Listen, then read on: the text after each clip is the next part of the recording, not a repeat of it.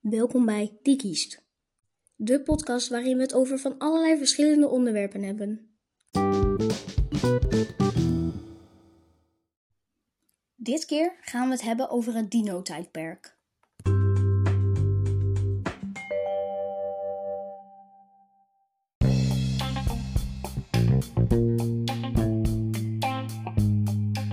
We gaan het hebben over het dino-tijdperk. En serieus, dat was echt cool. Dus, lang geleden, als in super mega lang geleden, leefden er dinosaurussen.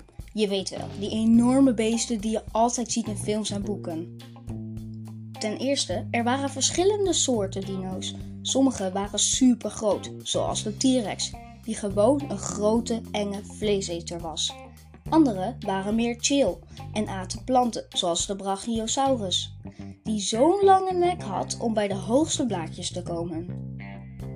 Dan was er de Triceratops, met die koele hoorns op zijn kop.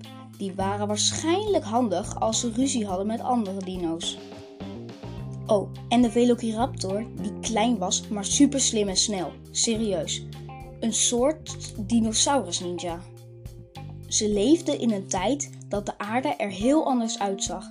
Er waren gigantische varens en reusachtige bomen en de lucht had meer zuurstof. Dat maakte alles groter, zelfs de dino's. Er waren ook mega-oceanen waarin zeemonsters rondzwommen, zoals de Chronosaurus. Dat klinkt gewoon episch.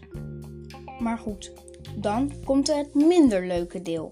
Op een dag, boom, meteorietenslag. Ja, een grote space rock sloeg in en veroorzaakte chaos. Het werd donker, het werd koud en veel dino's konden het niet overleven.